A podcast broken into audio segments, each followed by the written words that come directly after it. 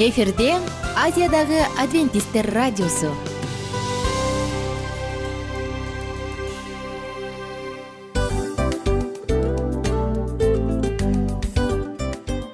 Достор салют. Баардык сүйүктүү угармандарыбызга салам айтабыз. Кутман күнүңүздөр менен.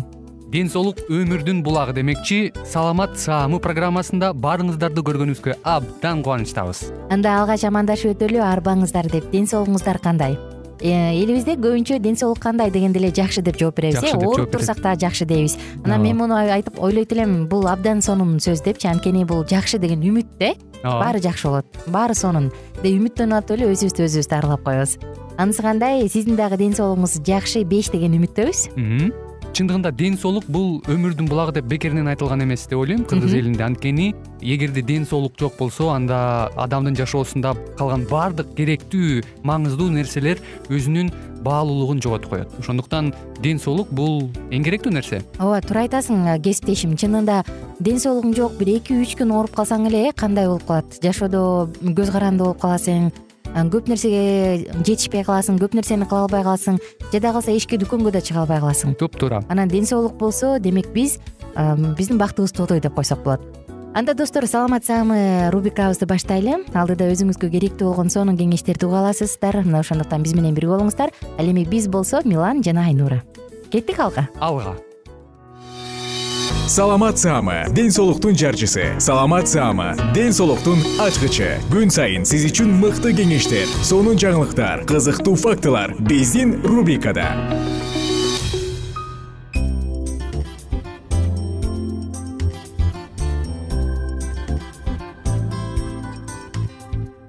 Амансыздарбы достор. Сиздер менен бирге биз э, саламат саама рубрикасын баштадык. Жана бүгүнкү тема боорду табигый каражаттар менен детоксикациялоо же тазалоо. Чындыгында кайсы бир адамдар өзүнүн ден соолугуна аябай кам көргөн адамдар убак убагы менен диета кармап же жалаң дары чөптөрдү ичип же кайсы бир мөмө жемиштерди жеп организмин тазалайт эмеспи. Жана бул чындыгында туура жана жакшы нерсе. Эгерде сиз детоксикация дегенди укканда эле апей бул эмне болуп кетти? десеңиз анда алдыда кененирээк айтып беребиз. Ага чейин биз менен бирге болуңуздар эгерде сиз редисканы жакшы көргөн болсоңуз анда албетте сизге эң эле сонун бир рецепт айтып берели бул кадимки эле редиска редисканы көп жеген учурда ал өттүн көбүрөөк иштелип чыгышын шарттайт жана боорду тазалап ага көп күч келтирбейт. Редистин курамында гликозид бар анын жардамы менен гепатоциттердин баардыгы регенерация болот дагы анан албетте тагыраак айтканда э, боордун клеткалары көбөйөт дагы. Бул биздин боорубуздун чың болушун шарттап коет. Жөн гана редиска. Буюрса редисканын маалы келатат жаз келе жатат алдыда жай келе жатат. Мына бул учурларда базарда боо боо болуп сатылган редискаларды көп эле кездештиребиз. Негизи эле ошол учурда бул редисканы көбүрөөк жегенге аракет кылыңыз анын пайдасы зор. Ошондой эле деңиз тоо тикени төө тикени же кокой тикен деп да коет эмеспи. Гүлдөрү мындай фиолетовый өңдүү тикенектүү гүл э муну тоодо өскөн адамдар же болбосо кой кайтырган адамдар жакшы билет болуш керек. Дал ушул эле жөнөкөй эле төө тикенинен дагы кайсы бир кайнатмаларды кандайдыр бир кургатып алып чай кылып демдеп ичип өзүңүздүн кам ден соолугуңузга кам көрсөңүз болот. Бүгүнкү күндө төө тикени фармацевтикалык препараттардын көптөрүнүн курамында бар ошондой эле достор антиалкоголдук добавкаларды ичиңиз. Витамин минералдар булардын баардыгы боордун тазаланышына боорго жакшы жардам берет. Бул б бир б эки алты б он эки витаминдери фолий кислотасы е витамини магний цинк дрожь э, э, кадимки эле буудайдын өнүп бара жаткандагынысы э өндүрүлгөн деп коебуз. Зыгыр майы зыгырдын уругу соя лецитини мына булардын баардыгы тең антиалкоголдук кошумчалар болуп саналат жана антиалкоголдук диета кармаңыз антиалкогол дегенде эле белгилүү бул аракты таштоо же алкоголдук ичимдиктерди таштоого каршы диета. Кандай организмди кайсы организмди же болбосо кандай азыктарды пайдалануу менен биз өзүбүздүн ден соолугубузга кам көрсөк болот? Келиңиздер сөз кылалы. Эң эле биринчи кезекте сиз эң эле көп өлчөмдө жашылча жемиштерди мөмө жемиштерди жеңиз күн сайын салат жеңиз. Жана андан сырткары жаңы ширей болобу же бир аз турганбы айтор сөзсүз түрдө мөмө жемиштердин ширесин күнүнө бир эки стакандан ичиңиз. Жана өсүмдүк белогуна бай болгон азыктарды жеңиз. Бул бооп өсүмдүктөрү жаңгак соя продуктылары бүтүн дан азык түлүктөрүн жеңиз. Жана албетте тазалоочу шорполорду ичиңиз. Бул билебиз э биз жер жемиштерден шорпо жасап ичсе болот жашылчалардан сорпо жасап ичсе болот. Мына дал ушундай нерселерди ичиңиз. Булардын баардыгын тең сиз дайыма колдоно турган болсоңуз арак ичүүгө болгон табитиңизди басканга жардам берет. Керек болсо жөйрөк айланып калат экен арактын жытынан. Кийинки кезекте детоксикациянын дагы бир ыкмасы бул жыпар жыттуу майларды жыттоо элестетип көрүңүз. Жөн гана жыттоо алардын баардыгы нерв системасын туура калыпка салат. Жана арак ичкиңиз келген каалоону көзөмөлдөгөнгө аракет кылат. Сизге болгону гана лаванданын мелиссанын жыты керек померанция гүлдөрүнүн же болбосо ачуу апельсин керек. Мына ушулардын жытын жыттай турган болсоңуз жардам аласыз жана достор ал антиалкоголдук диета же болбосо антиалкоголдук ыкмалардын дагы бири бул муздак суу менен сүртүнүү. Ооба кадимки эле колуңузга ваннада кие турган кол капты кийиңиз? Же болбосо чүпүрөктү суулап алыңыз дагы муздак сууга. Анан өзүңүздүн колдоруңузду буттарыңызды андан соң төш жагыңызды курсагыңызды сүртүңүз. Булардын баардыгы тең алкоголь менен жана наркотик баңги заттар менен күрөшүүгө эң мыкты жардам берет. Эмне себептен анткени мындай сүртүнүү кан айланууну жакшыртат. Муздакка каршы туруктуулукту көргөзө алган нерсе алкоголдук ичимдиктерге дагы каршы туруштукту көргөзө алат. Ошондой эле нерв системасын калыпка салат жана сиздин эрктүүлүгүңүздү бекемдейт. Сиз эрктүү күчтүү болуп каласыз. Жана достор жашоого керектүү энергияны жогорулатып сизде оптимисттик маанайды пайда кылат мына достор ушундай ыкмалар менен өзүңүздүн бооруңузду тазаласаңыз болот. Андан тышкары дагы бир нерсени айта кетели. Кечинде бир стакан сулууну сырдалган идишке салып бир литр кайнаган суу чылап коебуз куюп туруп эртең менен ал идишти ичинде ысык суусу бар башка идиштин ичине салып бир саат кайнатабыз. Анан мууздатып сүзөбүз. Сүзгөндө сулуунун кайнатмасы бир литрден азайып калат андыктан тундурма бир литр болгудай кылып үстүнө кайнак суу кошобуз. Анан беш маал жүз элүү граммдан ичилет рецепт он алты жаштан жогоруларга сунушталат. Бул дагы боорду тазалоочу сонун ыкма. Жана дагы кандай ыкмаларды колдонсо болот? Эмне жеш керек десеңиз кошумчалай кетели. Кайнатма жана акшактардан жасалган тамактар канаттуулардын жана жаш малдын майлуу эмес эти балык жашылча жемиштер кургатылган кактар мына булардын баардыгы жакшы. Боорго эмне жакпайт эмне зыяндуу? Майлуу эт куурулган ышталган туздалган жана абдан таттуу ачуу азыктар ичимдик газдалган суусундук кычкыл жемиштер уксус жана башкалар мына булардын баардыгы боорго терс зыян алып келет. Ошондой эле достор боорду тазалоодо дагы жашылча жемиштердин ширелерин дагы колдонуп келишет. Жогоруда бир аз сөз кылбадыкпы мындай ширелерди диетада тамакта төрт маал аз аздан ичип туруш керек. Коёндун торпоктун канаттуулардын этин бышырбай эле коюңуз дагы анын ордуна перловка гречка боткосун жеңиз жана ушул сыяктуу организмден ууларды алып чыгууну шарттай турган тамак аштарды жеңиз мен болсо сиздер менен коштошом. Кийинки уктуруудан амандашканча сак саламатта туруңуздар. Күнүңүздөр мыкты маанайда улансын. Бар болуңуз жана бай болуңуз. Саламат саама ден соолуктун жарчысы. Саламат саама ден соолуктун ачкычы. Күн сайын сиз үчүн мыкты кеңештер сонун жаңылыктар кызыктуу фактылар. Биздин рубрикада салют замандаштар баарыңыздарга ысык салам. Дил маек программабызга кош келиңиздер. Дил маек рубрикасы дегенде эле бул эмне болгон дил маек ким менен маектешебиз деп сурайт болуш керек угармандарыбыз. Бул рубриканы кыскача тааныштыра кете турган болсок ар тарап кесип ээлеринен болгон сонун интервью кеңештер бар ооба жылдыздар менен болгон маек бар аталарыбыздын агаларыбыздын чоң аталарыбыздан сонун кеңештер бар ошондой эле эже сиңдилердин кеңештери бар. Айтор баардык кызыктардын баары алдыда негизи эле адам баласы бир кимдир бирөөнө ишенип сырын ачкысы келет эмеспи э мындай баарлашууга жакын келебиз го. Албетте.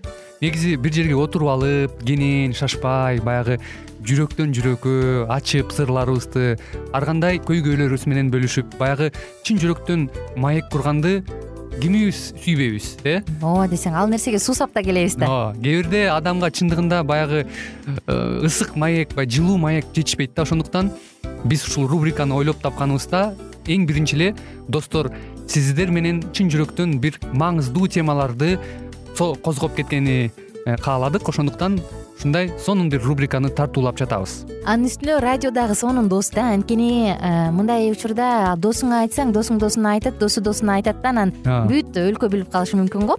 А радио болсо сени сатпаган сенин айыбыңды ачпаган.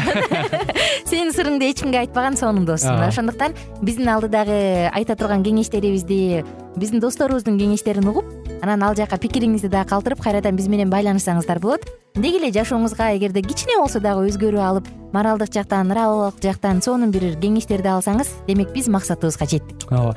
Чыңгыз атабыз улуу жазуучу чыңгыз айтматов айткандай адам болуу бул күнүмдүк процесс экен.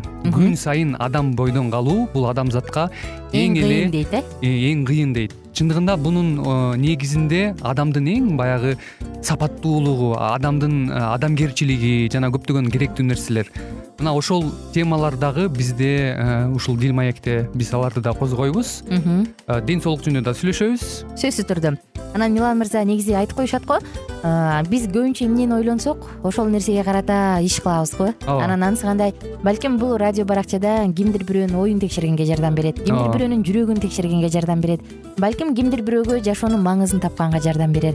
Айтор кызыктын баары алдыда бул жөн гана кыскача жарнама анда угармандарыбыздын баардыгын кийинки рубрикабызга чакырабыз. Ал эми кызматта маңдайымда отурган кесиптешим милан жана мен айнура. Анда эмесе биз даярдаган терең терең ойлор менен таанышууга кеттик. Алыс алыс баралык анда эмесе достор биз менен бирге болуңуздар. Алдыда эң кызыктуу маалыматтардын баардыгы бир нече мүнөттөр бою жалгыз гана сизге арналат мына ошондуктан жакшы маанай менен угууну каалайбыз. Үн алышканча.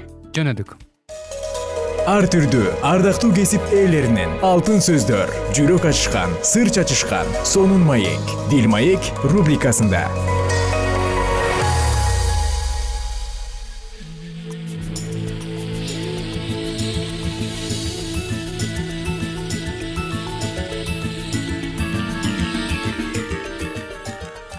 амансыздарбы кадырман радио угармандарыбыз. Э, биз сиздер менен бактылуу никенин баалоо эрежелери аттуу уктуруубузду баштайбыз. Бүгүнкү уктуруубузда дал ушул эки жаштын үйлөнүү үлпөт тою туурасында сөз кылмакчыбыз. Кыргыз элибизде айтылып келгендей эле той болот тойдун дагы кайрадан эртеси болот демекчи.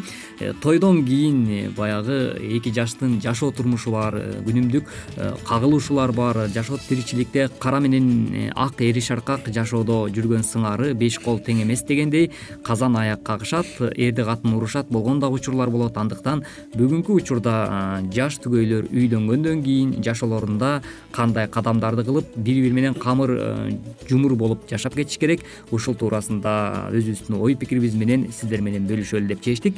Кайрадан эле биз студиябызга медетов азиз агайды чакырганбыз. Ассалому алейкум азиз аба студиябызга кош келипсиз. Саламатсыңарбы арыбаңыздар кыргыз элим э, ардактуу угармандар бар болуңуздар. Жогоруда агай э, биз айтып өткөндөй эле той болот тойдун дагы эртеси болот деген дагы кеп бар эмеспи элибизде туура. Той туурасында сүйлөшсөк. Ооба бүгүнкү күндө өзгөчө кыргыздарда эмне салынып атат? Тойкана эле салынып атат да. Бул эми э, бир тур баягы экономикабыз гүлдөп өнүгүп эмне кылаарыбызды билбей тойлоп эле калдык. Дейин десең андай эмес да анан бери бир айылга кеткенде ушинтип күлөт экенсиң да. Кайсыларыбызга тойкана салып атабыз депчи кээ бирөөбүз итке минип тиги күнүмдүк нанга жетпей жүргөн үй бүлөлөрдү билем. Анан келип туруп тойкана салганда эми ал кимдир бирөөнү мүмкүн байытып атабыз.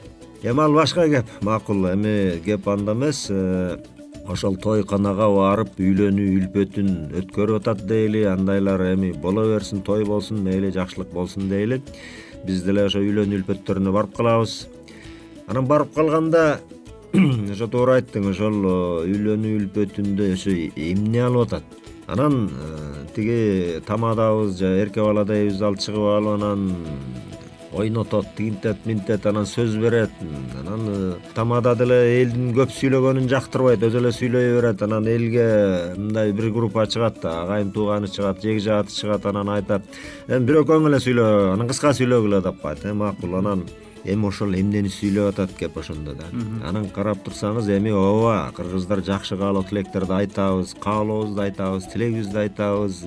Эми бул каалоо эле анан тилек эле болуп калат экен да кыргыздар кандай кылчу эле илгери үйлөнүп аткан бул эң олуттуу иш эле да. Анткени азыр деле айтылып жүрөт бул э, эки адам үйлөнүп аткан бул өзүнчө кичинекей мамлекет да. Мамлекет түзүлүп атат жаңыданчы. Ошол мамлекет түзүлүп атса анда мамлекеттин конституциясы болуш керек сөзсүз түрдө. Мыйзамы болуш керек. Анан ошол мыйзамга аксакалдар анан бата берген да. Бата деген сөз бул каалоо тилек менен барабар эмес.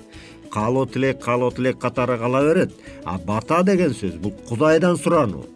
Жараткандын өзүнөн жараткандан сурап айланайын жараткан мына могуреки э, үй бүлө куруп аткан жаңыдан мамлекеттин түбү түптөлүп атат ушуга көзүңдүн кырын салып баталап кирген чыккандын баарына бата берип акыл берип э, жан дүйнөсүн баталап күнүмдүк жашоосун бала чакасын баталап дегендей бул чоң олуттуу маселе эле эми ушунун баары унутулуп эле мындай учкай эле үстүртөн эле жөн эле каалоо тилек өтүп калды да. Болду. Тос айткандай эле айтып коюшат болду. Аны аны тиги эки жашка каалоо тилек айтып атабыз. Алар уккан деле жери жок. Биз көрүп эле атпайбызбы алар уккан деле жери жок. Ар жакта бака шака бака шака тиги ягында ичип атат биягында музыкасы дыңылдап атат.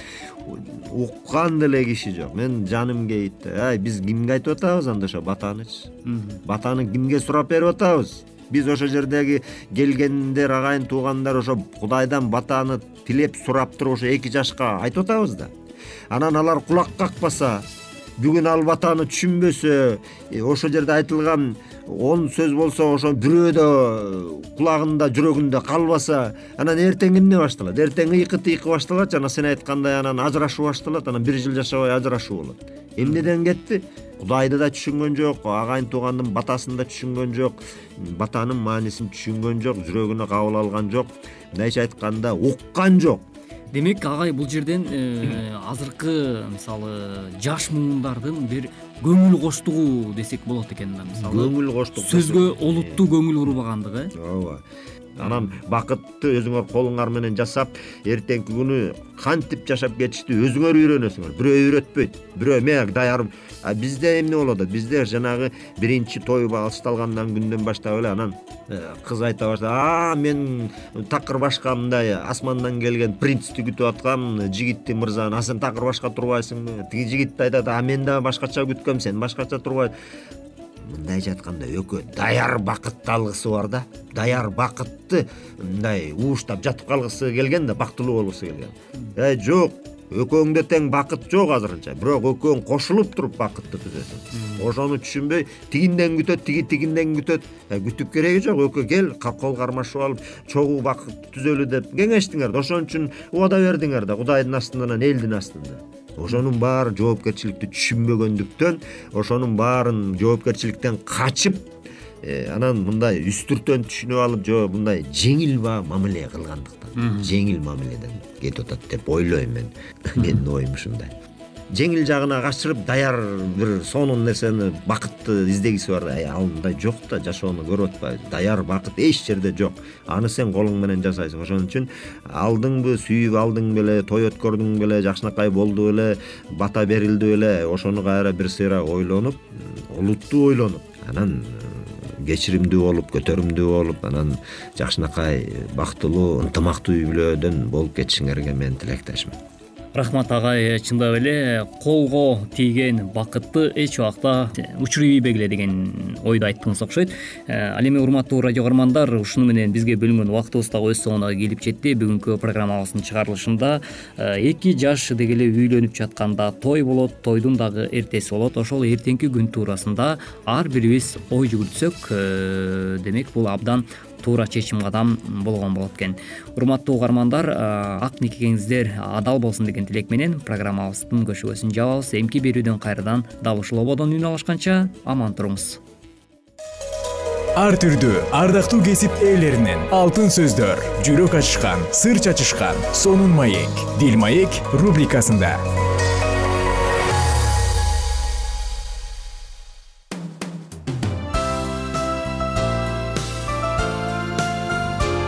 эфирде азиядагы адвентисттер радиосу.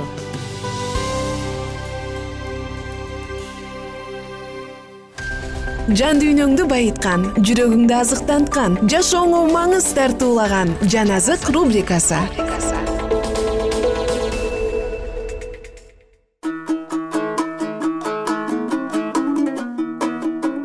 Кутман күнүңүз менен кутман саатыңыз менен жана кутмандуу кош убак күнүңүздөр менен сиздер менен бирге дал ушундай сонун күндө жараткан берген белек болгон жаңы мүмкүнчүлүккө толгон күндө амандашканыма кубанычтамын. Сиздер менен бирге жан азыктан накыл сөздөр китебин окууну улантабыз. Сулаймандын накыл сөздөрү он алтынчы бөлүм он жетинчи аяттан ары улантабыз.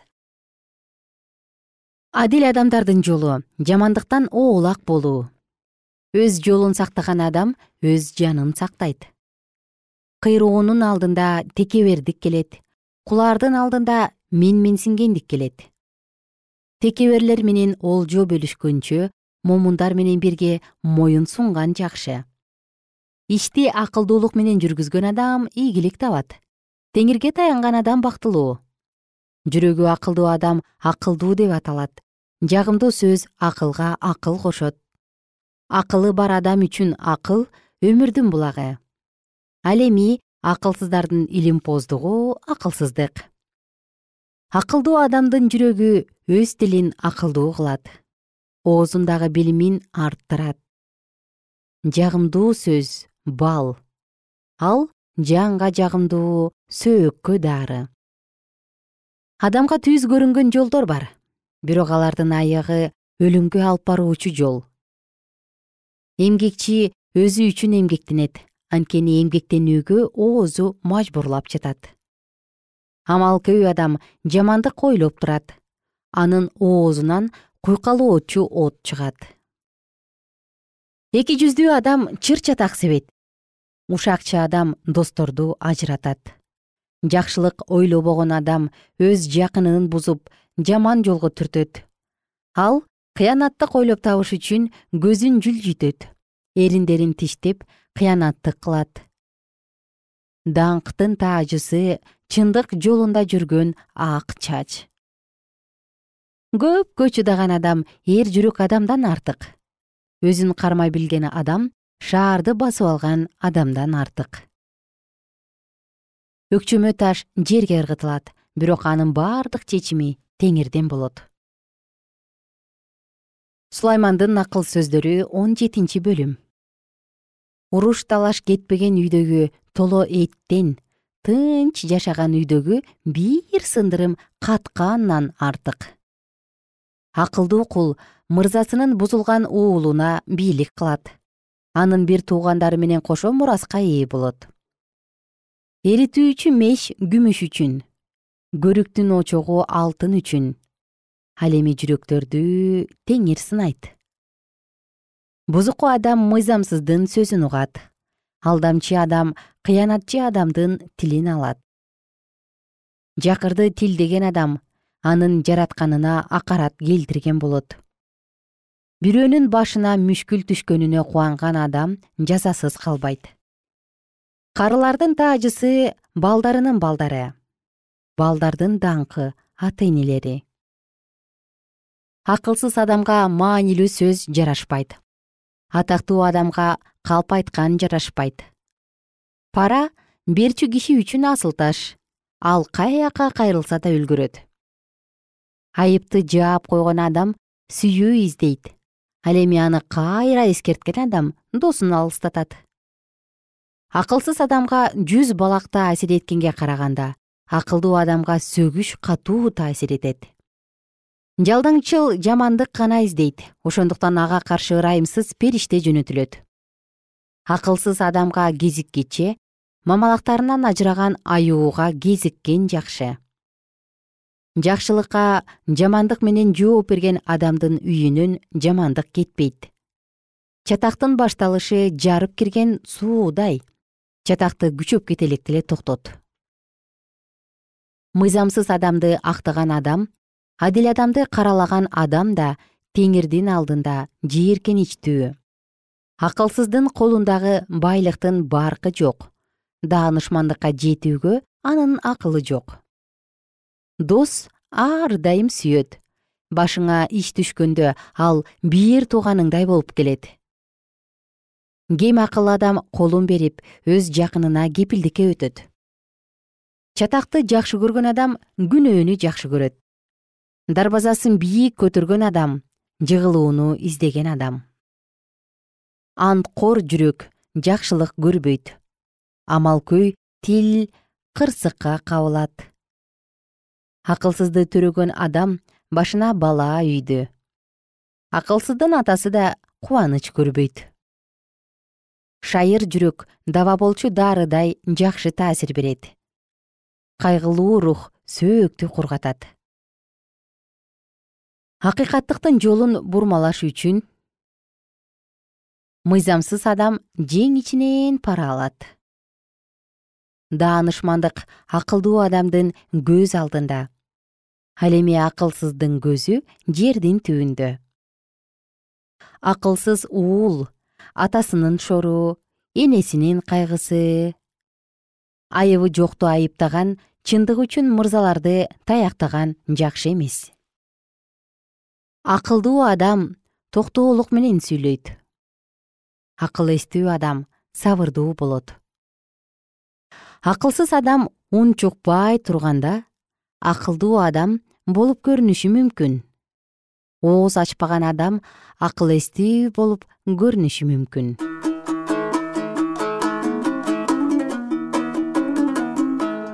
кымбаттуу достор ардактуу угармандар биздин замандаштарыбыз сиздер менен жаназык рубрикасында бир нече күндөрдөн бери ыйык жазуудан сонун сөздөрдү окуп келе жатабыз. Бүгүн дагы тоорат китебинин ичинен орун алган айтылуу эң акылман дүйнөдө андан да акылман адам болгон эмес дейт. Дал ушундай белгилүү өз учурунда дүйнөнү дүңгүрөткөн сулайман падышанын сулайман пайгамбардын атасына уулуна апасына кызына жаштарга айтылган сонун алтындай болгон кеңештерин бирге окуп жатабыз. Достор эмне демекчибиз? Ар бир айтылган сөз сиздин жашооңузда дагы таасир берип жардам берсе демек биз тилегенибизге жеттик көздөгөнүбүзгө жеткен болобуз. Ар бир сөз сиздин жашооңуздан орун алсын акылыңызга эсиңизге абдан бекем сакталып калсын бар болуңуздар бай болуңуздар. Кайрадан сиздер менен кийинки уктуруулардан амандашканча күнүңүздөр көңүлдүү улансын.